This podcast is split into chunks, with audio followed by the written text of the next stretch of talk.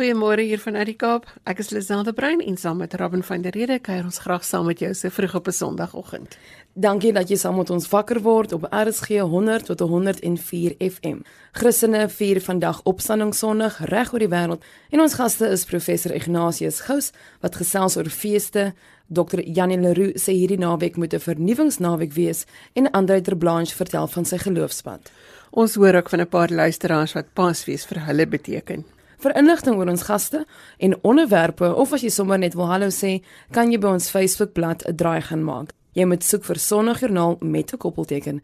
Die inligting is ook op RSG se webwerf by rsg.co.za. Ons program is beskikbaar op Potgooi. Jy sal dit ook op die webwerf kry by die Potgooi soekopsie. En moenie vergeet om te SMS nie. Die nommer is 45889 en dit kos R1.50.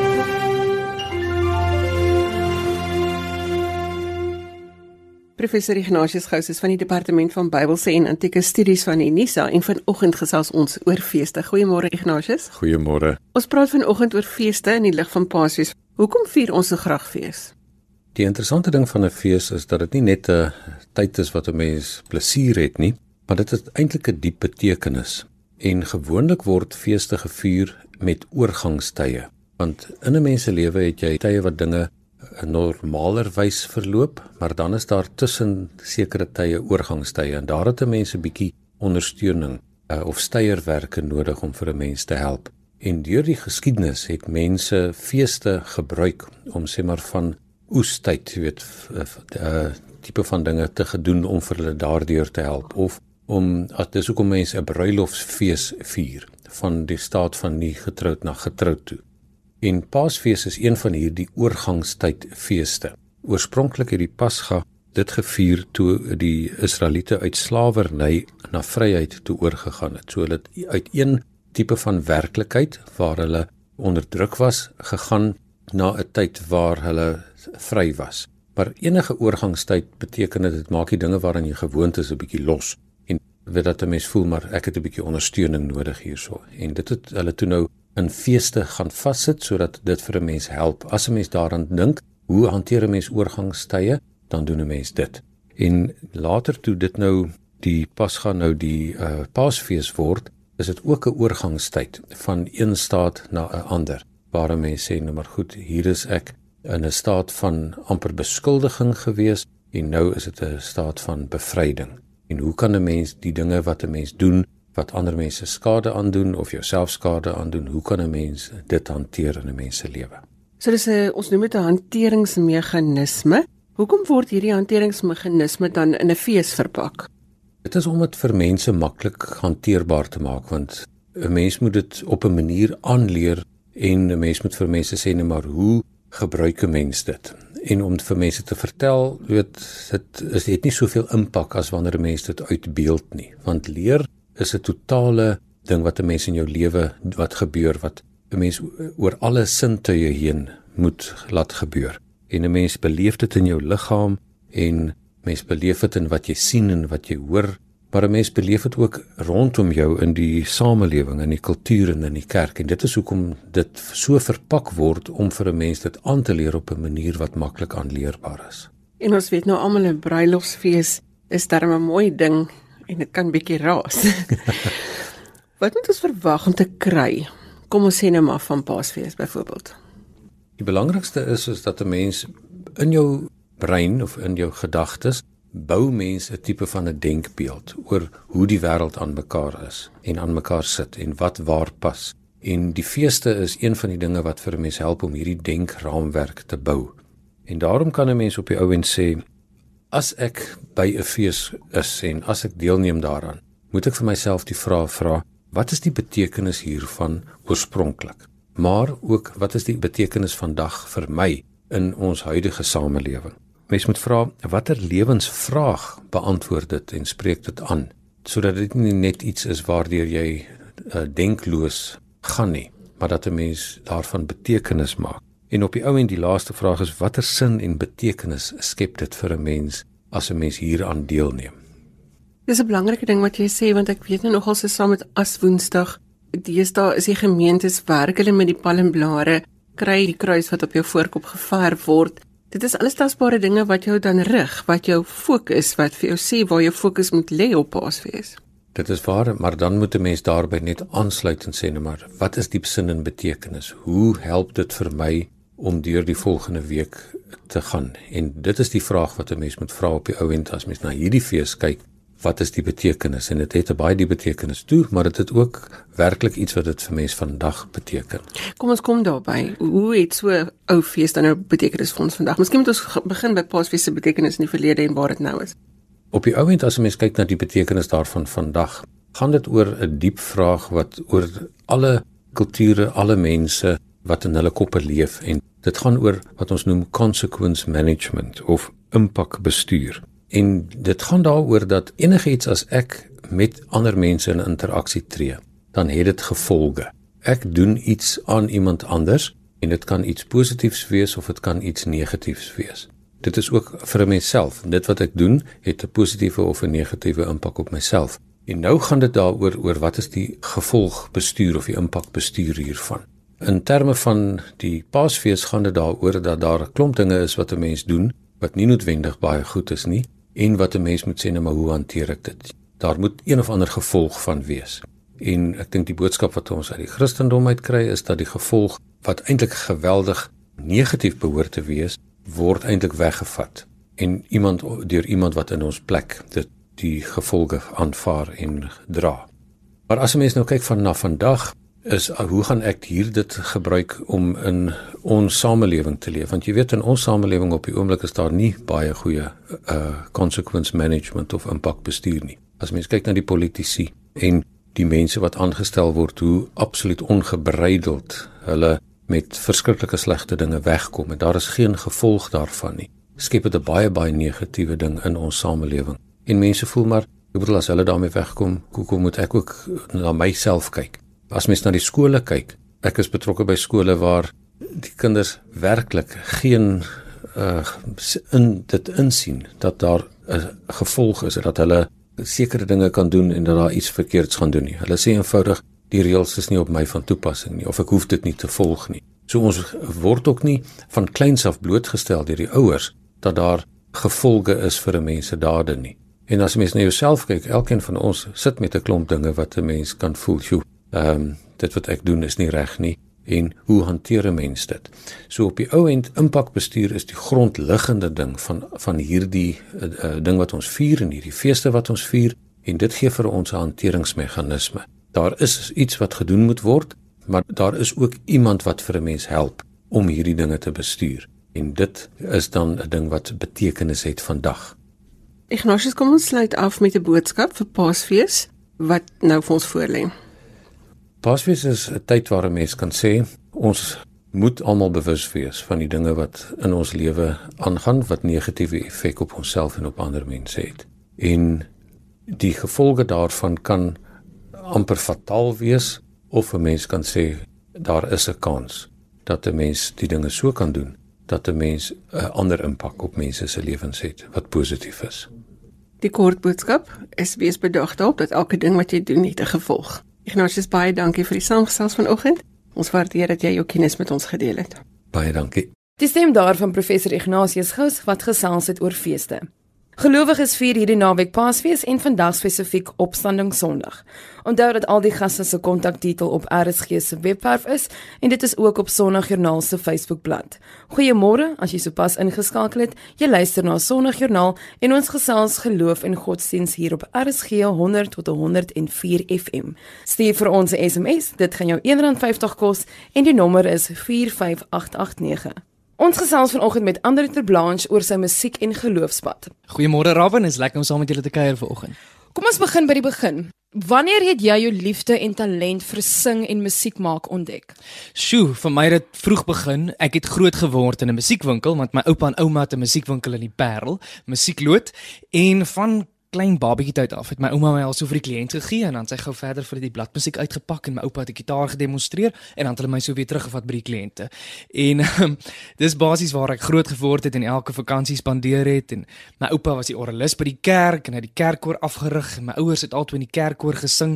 So van vroeg af was hierdie musiek gekunsteld in my en toe ek graad 2 is, het ek blokfluit gespeel. Toe kry ons 'n nuwe musiekjuffrou. En die musiekjuffrou vra toe tydens die blokfluitles vir die leerders wat in die blokfluitles is wat ook koor sing, om gou vir haar die vorige koorliedjies te sing wat die vorige juffrou met ons gedoen het. En ehm um, ek sing toe nou saam met die groepie en sy vra toe vir my maar Andre bly jy gou agter. Ek tog toe ek het nou weer na ons is aangejaag. Toe vra sy vir my, "Wie jy wil jy nie dalk sanglesse neem nie?" Ek dog toe sy sê dit omdat ek dalk nie lekker sing nie, miskien nodig het. en ek sê toe ja, ja, dit sal lekker wees. En toe op 7 jarige ouderdom begin ek met formele sangopleiding en aan die einde van daai jaar, toe by die prysedeling, toe sing ek Green Door vir die eerste keer voor mense. En toe sien jy nee, kyk, ek kan nogal sing, né? Nee. Ek het nogal gehou van die aandag. Ek moet sê dit was lekker. ja, dit het my nogal lank geneem om op die punt te kom waar ek my eie musiek gaan opneem. Ek het nou van tevore al bietjie op ander mense se albums bydraes gemaak en ehm um, want ek voel nie jy moet 'n album maak net bloot omdat jy kan sing nie. En as ons so mooi kyk na die mark daar buite, dan besef ons almal weet nie altyd dit nie. Ek glo as jy dan 'n album maak net omdat jy gehoor wil word sonder iets om te sê, dan wil jy eintlik net hê mense moet dink jy's oulik. So uh, 'n mens moet jou stories, jou verhale, dit wat jy het om daar buite in die wêreld te plaas as 'n opinie of dit is vir versoening of dit is vir ontdekking, wat ook al dit is, jy moet gereed wees daarvoor en dan met 'n ou soos met 'n poesiebundel of met 'n met 'n boek wat jy skryf, moet jy dit eh, versorg en dit vat tyd. En dan wanneer jy gereed is om die verantwoordelikheid van jou woorde te dra, dan moet jy dit eers daar buite plaas. Want alles wat ons doen en sê weer klink daar buite en dit vorm ander opinies en dit kan of seermaak of dit kan versoen of dit kan iemand dalk bloot uitdaag om om anders te dink oor die lewe. Maar as 'n ou deur daai proses gaan, aan die ander kant van dit, val jy dalk so klein bietjie, stof jou knie af en besef dan maar hier is 'n stroom op is moeiliker, maar dis waar in my identiteit lê. Dis waar jy so half jouself ontdek. Um, ek glo dit is waar ek my stem ontdek het. Jy praat van jou universiteitsdae en ek weet party van jou liedjies wat jy gekomponeer het was al reeds 10 jaar terug toe jy nog op universiteit was. Jy sal goed onthou want jy was saam met my universiteit gewees en jy het, jy het saam met my help skryf van hierdie goed of jy dit nou weet of nie. Robin ek het altyd vir jou op universiteit die goedjies aangestuur en vir jou gesê luister hierso moenie nog 'n opinie gee nie, maar luister net so lank hierna. En interessant genoeg, toe ek nou die titelsnit wou opneem, Pop Culture Bekeerdes, toe het ek net 'n draft, 'n werkstuk gehad van hierdie snit en ek moes vir jou vra Rabban het jy dit nog ergens op 'n voice note nie? Toe gelukkig so stuur dit vir my terug en toe kon ek dit herwerk. Ja, daar's verskillende fases in 'n ou se lewe en is dis baie maklik om te sê, "Mm, ek is nou 29 jaar oud en 29 jaar wys, so wat ek nou het om te sê is relevant." Dis nie waar nie die gebroke opinie wat jy gehad het op 18 die mislukte verhouding wat jy gehad het op 21 dit vorm alles deel van jou 29 jaar wees of jou 30 jaar oud wees. Is dit vorm alles deel van 'n ou se roete van jou identiteit van wie jy glo jy is en wie jy graag wil wees vir ander. Twee liedjies wat vir my die meeste uitstaan is Bethlehem Blues en Sing Skree Nou kom ons begin met Bethlehem Blues. Ek sien dat Wilken Kalitz die musiek en lirieke geskryf het. Bethlehem Blues lê my so na in die hart. Ons het Wilken was musiekdirekteur by Kruiskerk gewees op Stellenbosch Universiteit. En ek was een van die voorsangers daar gewees vir so 4 jaar. En een keer 'n jaar het ons 'n groot produksie gedoen aan die einde van die jaar. Jy weet in plaas van 'n kerssangdiens het ons vir die studente kerk het ons 'n hele produksie aan mekaar geslaan. En dit het behels sang, toneelspel en audiovisuele hulpmiddels. En die eerste ene was gewees Bethlehem Blues. En Wilken Kalitz saam met die borslapper het geskryf en dit gereed gekry saam met ons vir die vir die verhoog. En hierdie lied kom daar uit. Hoekom beteken 'n lied vir my so baie? Dit gaan eintlik oor hierdie man wat homself probeer vind in die wêreld. Ehm um, hy's getaak met iets. En teenoor die konteks van hierdie groot boodskap dat daar vergifnis is, dat jy 'n rol kan speel en jou broer kan help. Het hierdie karakter nog steeds gebroke gevoel. En as jy luister in die lirieke van Bethlehem Blues, dan staan daar dat ek sien nie die ster en ek wil hom volg en ek weet van hierdie Bethlehem en ek weet van hierdie boodskap vir my maar in my hart voel ek nog steeds gebroke en dit is vir my die mooi digotomie van die lewe en wat ons as gelowiges altyd moet onthou is dat die red deel en die val deel loop altyd langs mekaar So daar gaan nooit 'n tyd wees wat ons gaan voel ons is nou volkome gered en volkome vergewe nie, want ons sondig nog elke dag. En Bethlehem Blues is vir my die erkenning daarvan dat ons sowel vlees as gees is. Andre die liedjie sing skree is eintlik my gunsteling, maar ek weet dit het nie in 'n baie maklike tyd vorendag gekom nie. Ja, sing skree het ontstaan omtrent nadat ek vir so 4 jaar hulle noem dit writers block. Ek kon net nie enigiets neerpen nie. Ek het ook nie eintlik enige melodie geskryf nie. Ehm um, so beide liriek en musiek was ek so half opgedroog. Toe kuier ons klomp jong mense eendag uh, vir iemand se verjaarsdag daar in ehm um, was dit Seepunt of Kampsbaai. Iemand het 'n oulike plek langs die see georganiseer. En ehm um, Ons kuier toe sonder ons een vriendin wat toe nou al redelik siek is aan kanker en sy sou die volgende oggend verjaar en so dit sou 'n spesiaal gewees het om haar daar te hê toe ons die volgende oggend wakker word toe ek ontvang ons kennis dat sy oorlede is. En sy het kanker gehad op die ouderdom van 29 sterk pragtige meisie met die naam van Rose. Gemeenskaplike vriend van ons almal en ek het tot en met daai oomblik nog nooit ervaar verlies so naby aan myself nie. Nog nooit iemand van myself van my ouderdom verloor aan iets soos kanker wat ek gewoonlik assosieer met iemand heel wat ouer nie. En by die huis gekom, 'n kers aangesteek op die klavier gesit ter herinnering van haar lewe en ek het nie woorde gehad vir die emosie wat ek gevoel het nie. Ek dink nie ek was toe oud genoeg om woorde te hê nie, want die ervaring het ontbreek. En ek skryf toe 'n stuk musiek, komponeer toe 'n stuk musiek en nog steeds kon ek nie woorde daarvoor kry nie.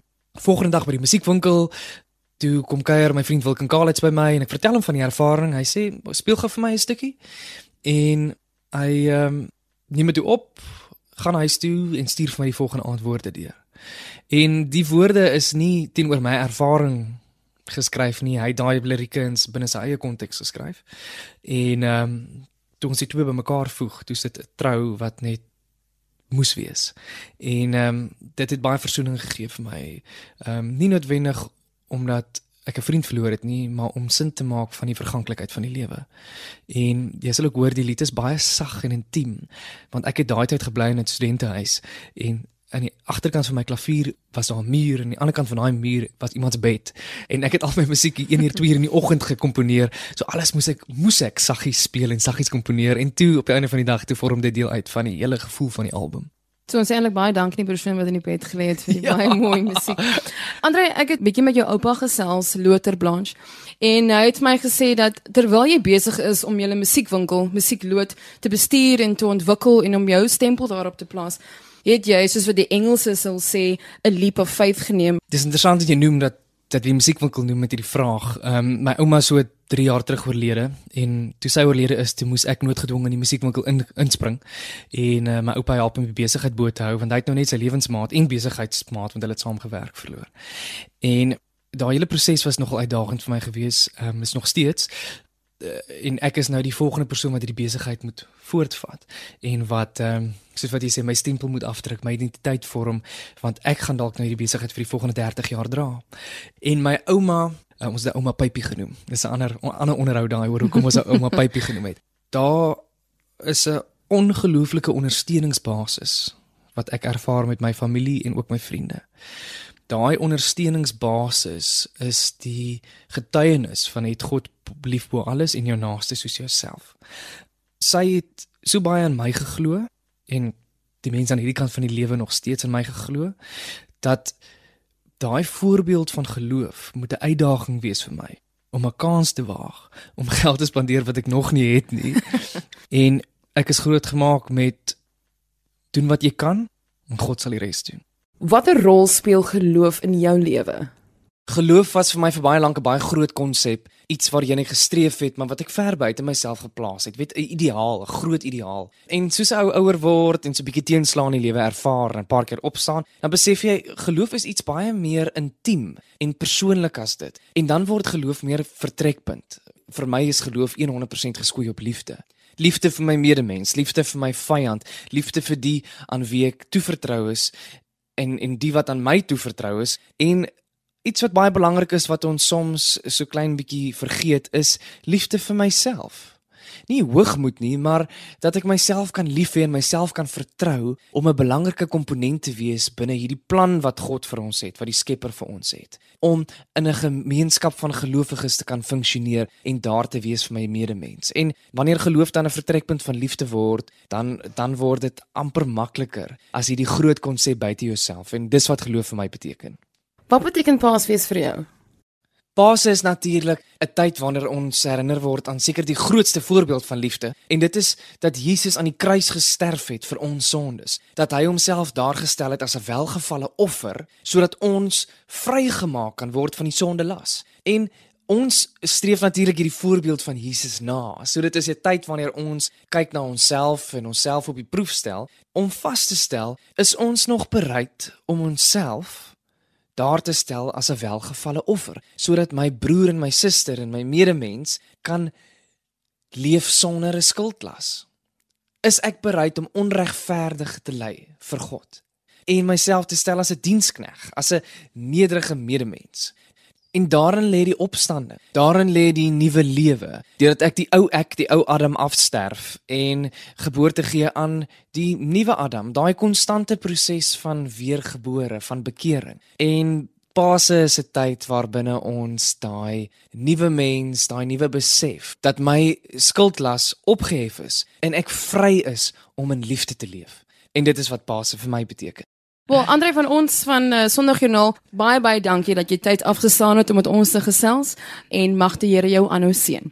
Selfs vir jou Robin, baie dankie. Robin was in gesprek met Andre Terblanche. Ons sê dankie dat jy ingeskakel is vir oggend. Jy luister na Sondagjoernaal op RSG 100 tot 104 FM en ons gesels geloofsake. Ons het vir 'n paar luisteraars gevra wat Paasfees vir hulle beteken. My naam is Elise van Platen. Wat beteken Paasfees vir my? Paasfees vir my beteken genade onbeskryflik groot. Paasfees bring my nader aan God se skepping met die verandering van die seisoene. Paasfees is vir my 'n wonderlike kerkmusiektyd. Paasfees gaan oor Johannes 3 vers 16. God het die wêreld so lief gehad dat hy sy enigste seun gegee het sodat die wat in hom glo nie verlore sal gaan nie, maar die ewige lewe sal hê. Paasfees is net genade onbeskryflik groot, onverdiende genade. Vader is lief vir ons, hy het sy enigste seun vir ons gestuur.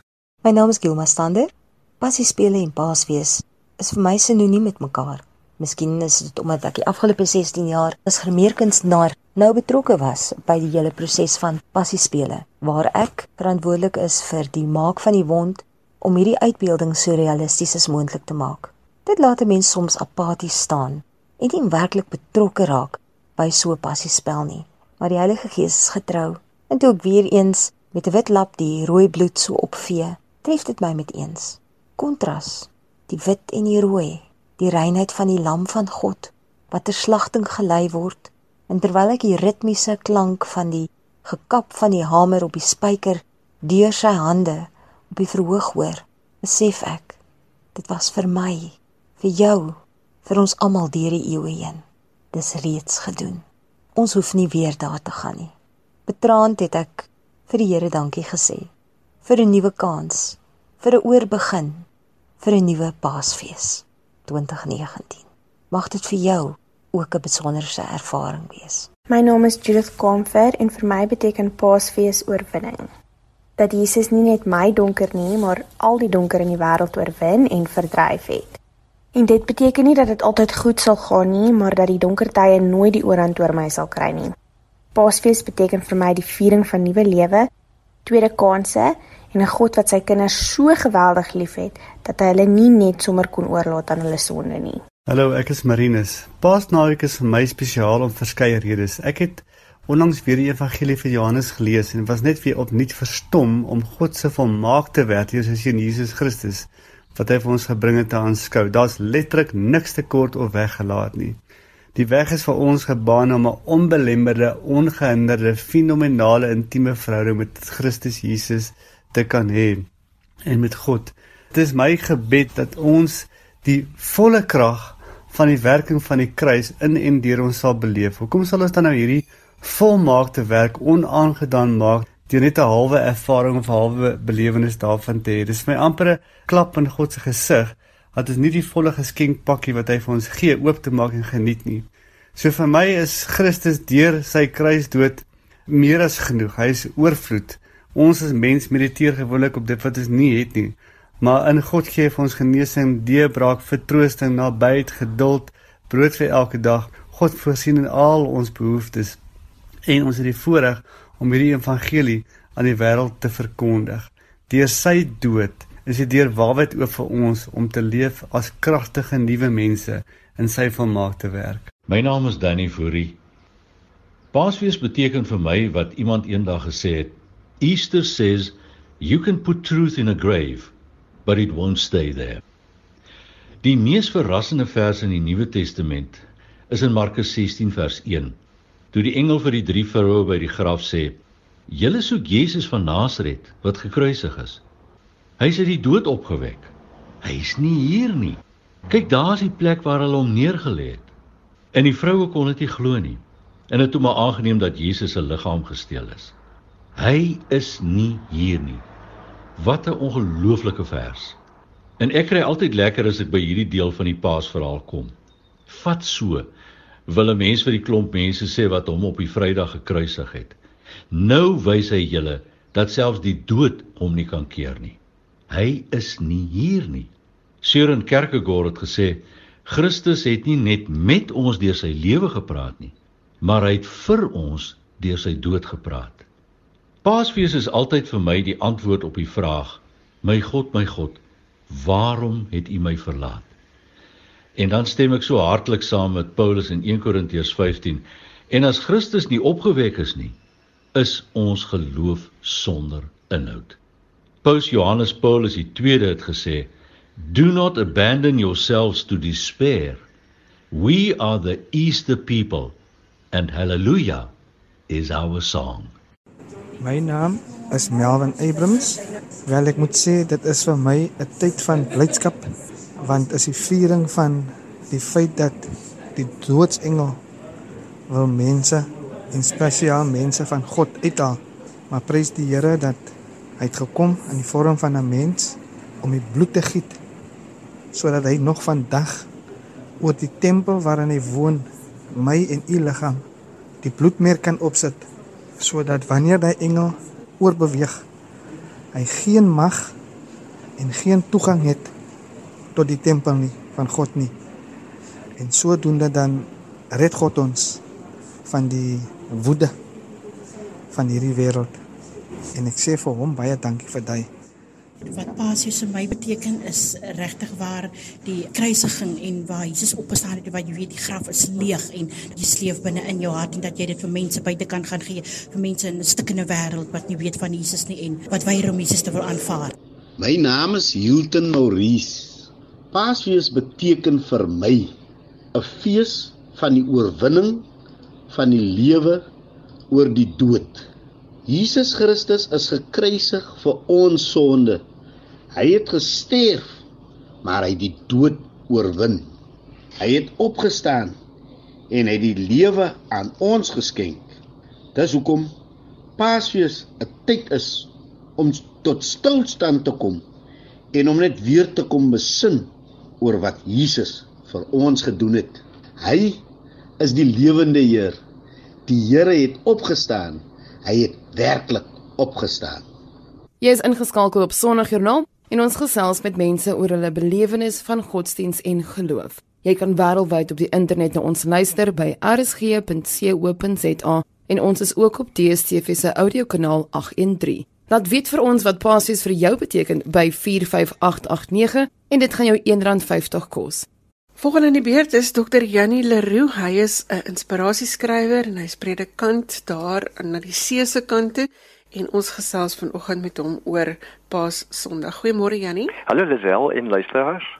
Jannie, hierdie week is een van die besonderse betekenisse vir Jesus se volgelinge. Ons het Goeie Vrydag gevier en vandag herdenk ons Paas Sondag. Hoekom sê jy dis nie 'n lang naweek nie, maar 'n vernuwingsnaweek?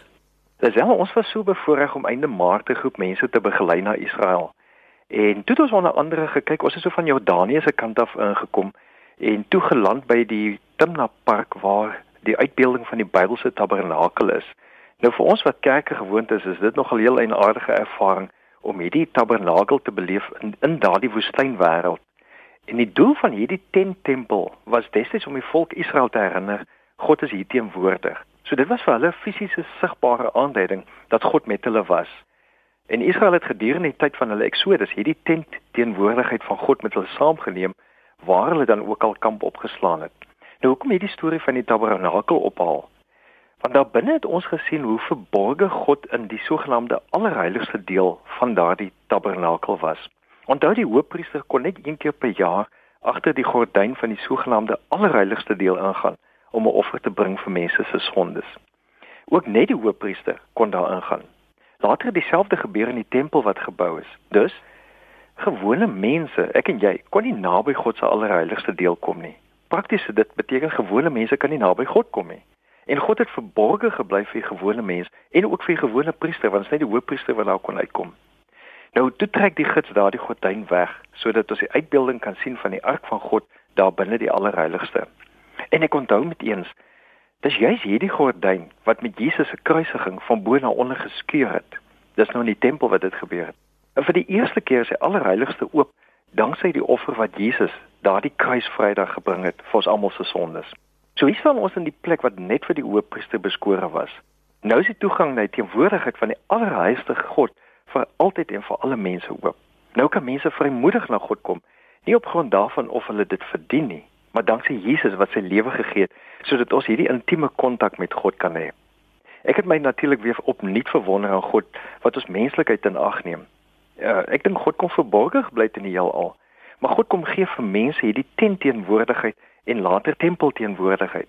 En nog later kom God self in mensteenwoordigheid as Jesus om nog nader aan ons te wees en om te wys dat God regtig vir ons naby hom wil hê, word die allerheiligste, die toegang na die hart van God oopgemaak deur Jesus se dood. So God het so naby as wat moontlik is aan ons gekom sodat ons nog nader aan God kan wees. En dan gebeur die merkwaardige met ons. Ons word danksy Jesus nou kinders van God. Hoor wat sê Johannes 1:12 aan almal wat hom aanvaar het, die wat in sy naam glo, het hy die reg gegee om kinders van God te word. En hoor sommer ook die goeie nuus waaraan Paulus ons herinner in 2 Korintiërs 5:17. As iemand aan Christus behoort, dan het God daardie persoon 'n nuwe mens gemaak. Die persoon se ou lewe is verby. Ja, hy het 'n nuwe lewe gekry. Nou, Lisel, dit het als net oor een Paasnaweek gebeur. En dis waaraan hierdie naweek wil herinner. Ons verhouding met God is nuut gemaak. En in Jesus gee God ons 'n nuwe lewe en 'n nuwe identiteit. Ons is nou kinders van God. Dis hoekom ek sê dis 'n vernuwingsnaweek. Ons eer God wat kom nuut maak. Het die naweek herinner elkeen dat as jou verhouding met God nie lekker is nie, is dit nie God se skuld nie. God kom doen alles om ons naby te hê en kinders van God te laat wees. Dalk het jy miskien net nodig om hierdie naweek vir God te kom sê, hier is ek. Want God het jou lankal raak gesien en wil jou aanraak. En dan word dit 'n naweek van vernuwing vir jou om nie te leef vanuit God se liefde vir ons. As Paasnaweek 'n vernuwingsnaweek is, Jannie, hoe help die opstanding van Jesus daarmee? Die doodwasse is nog altyd vir mense die slegste ding wat op aarde kan gebeur. Dood was nog altyd die term om te sê iets het 'n einde, dis 'n doodloopstraat, dit het nie 'n toekoms nie, dit het nie 'n lewe nie, dit kan nie vernuwe word nie. Maar Jesus se kruisiging sou vergeefs gewees het as hy nie in daardie 3 dae vanaf die kruis deur die dood tot die opstanding beweeg het nie. In die opstanding van Jesus het die dood 'n deur na nuwe lewe gekry in die opstanding van Jesus het ons lewe opnuut begin. Nou Paulus herinner in Romeine 6 vir ons deur die doop is ons saam met hom begrawe as mense wat deel is in sy dood. En nou kan ons net soos Christus wat deur 'n heerlike magstaat van die Vader opgewek is, ook 'n totaal nuwe lewe leef. Aangesien ons met hom een geword het in sy dood, sal ook saam ons ook saam met hom opgewek word tot 'n nuwe lewe. So ons verlede is by Kruisvrydag nuut gemaak. Ons hede en toekoms is in opstanding Sondag nuut gemaak. En die eerste dag van ons nuwe lewe het in daardie vernuwingsnaweek gebeur, want Jesus het gesterf en hy het opgestaan uit die dood. Ons groep was, was ook na die tuingraf in Jerusalem en daar het ons die nagmaal gebruik om ons te herinner aan hierdie opstanding van Jesus. In die tuingraf is daar 'n groot graf soos in die Bybelse tyd gebruik is en mense kry dan die kans om na binne te gaan en te sien hoe dit moontlik kon gelyk het in Jesus se tyd. Ek staan toe bo op die trappe en neem foto's van ons groepslede soos hulle by die graf uitkom. Nogal simbolies mooi van hoe ons ook uit die dood na nuwe lewe kan kom danksy Jesus. Nou in die verlede was daar altyd 'n houdeur by die tuingraf waar die woorde gestaan het: He is not here for he is risen. Toe ons die nagmaal saam gebruik, herinner ek ons groep aan 'n begeleier wat hier eendag gesê het: He is here for he is risen. Jesus is hier want hy het opgestaan. Nou ons gebruik toe die nagmaal en vier opstanding van Jesus wat ook ons eie opstanding uit die dood waar maak. Baie besonderse oomblik. Later vra ek vir Wilma, het jy weer die deur gesien wat ons al soveel jare daar gesien het met die woorde He is not here for he is risen? Nee, sy sê, ek het dit ook nie gesien nie. Ons was tog saam by die grafopening. Ons kyk deur ons fotos en daardie deur is daardie Vrydag toe ons daar was, nie daar nie. Ek het intussen vir die mense wat die tuingraf beman 'n e-pos gestuur om navraag te doen. Maar in my voorbereiding vir vandag besef ek hoe besonder simbolies dit was. Jesus het souwaar die deur van die dood saam met hom weggeneem. Geen doodsdeur kan ons ooit terughou van die nuwe ewige lewe saam met hom nie. Ja, nie sommige mense wonder oor Jesus se opstanding of dit nou regtig waar was. Wat sê ons hieroor? Kom ons gee eers gelyk. Dis nie asof daar 'n video eens hieroor is nie. Maar die feit dat daar nie tasbare bewyse van Jesus se opstanding is, maak dit nie minder waar nie. Ons het wel die getuienisse van die vroue wat Jesus gesien het, van sy disippels wat hom gesien het en volgens Paulus die apostels en 500 ander hom ook gesien. Dit lees ons daar in 1 Korintiërs uh, ook verder. Wat vir my die opstanding wel 'n werklikheid maak, is dat die disippels van Jesus hierdie boodskap verder vertel het en hulle lewens daarvoor gegee het. Nou geen mens gee jou lewe vir iets wat jy nie as waar ag nie. Die volgelinge van Jesus het vir eeue lank hulle lewens gegee vir hierdie geloofsfeit. Selfs al word Jesus se volgelinge gemartel, verduur hulle dit omdat hulle glo Jesus het opgestaan. Wat vir my die opstanding nog meer merkwaardig maak, is dat mense wat getuig en bely dat hulle Jesus gesien het, ten spyte van sy verheerlikte liggaam of miskien juis as gevolg van sy verheerlikte liggaam, sien hulle die spykermerke in sy hande. So Jesus bly herkenbaar aan die lyding wat hy namens ons verduur het. Om te glo in die opstanding van Jesus is 'n geloofskeuse. En interessant is, sodra jy kies om dit te glo, gaan nuwe lewe vir jou oop. Janie, wat is vir ons die praktiese implikasie van die opstanding? Wat moet ons doen en hoe moet ons lewe wat deur Jesus nuwe lewe gekry het? Die skaduwee van die dood dink ek hang oral waar mense lyding ervaar of hulle seer kry van goed soos armoede, van diskriminasie, van onregverdig of of onregverdigheid van moorde waar ontneem word van basiese vryhede en hoop. Die opstanding van Jesus het nie gebly by die feit dat hy opgestaan het nie. Ons lees dat Paulus skryf: "Weet julle nie dat julle die tempels van God is en dat die Gees van God in julle woon nie?" So sê hy dan in 1 Korintiërs 3. Na die opstanding het Jesus die Gees gestuur en nou word ons die tabernakels en tempels waar mense vir God kan sien en ontmoet. Nou dit gee vir ons as Jesus se volgelinge 'n ontsettende verantwoordelikheid. En dis om te leef as nuwe mense wat Jesus se lig en lewe en liefde uitstraal ook na mense wat leef in die skaduwee van die dood. As ons in Jesus glo, deel ons aan sy nuwe lewe. Al gloend uh, is ons heeltyd by hom en hy by ons.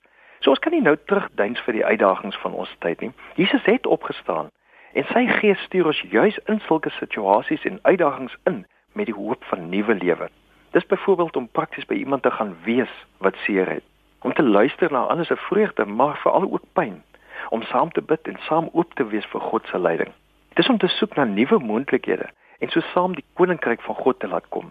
Hou net op, in elke situasie is 'n opstandingsmoontlikheid. Ja, nee, kom ons trek gou die gesprek saam met so een of twee sinne wat dit vir ons saamvat. Jesus het ons in een naweek vernuwe. Dis ons kans om die res van ons lewe te werk aan voortdurende vernuwing totdat ons ook opstaan. Dankie Jannie, dankie dat jy so 'n bietjie van julle ervaring met ons gedeel het en dat jy ook vir ons help kyk het na hierdie opstanding Sondag. Dankie vir die saamgesels. Baie dankie.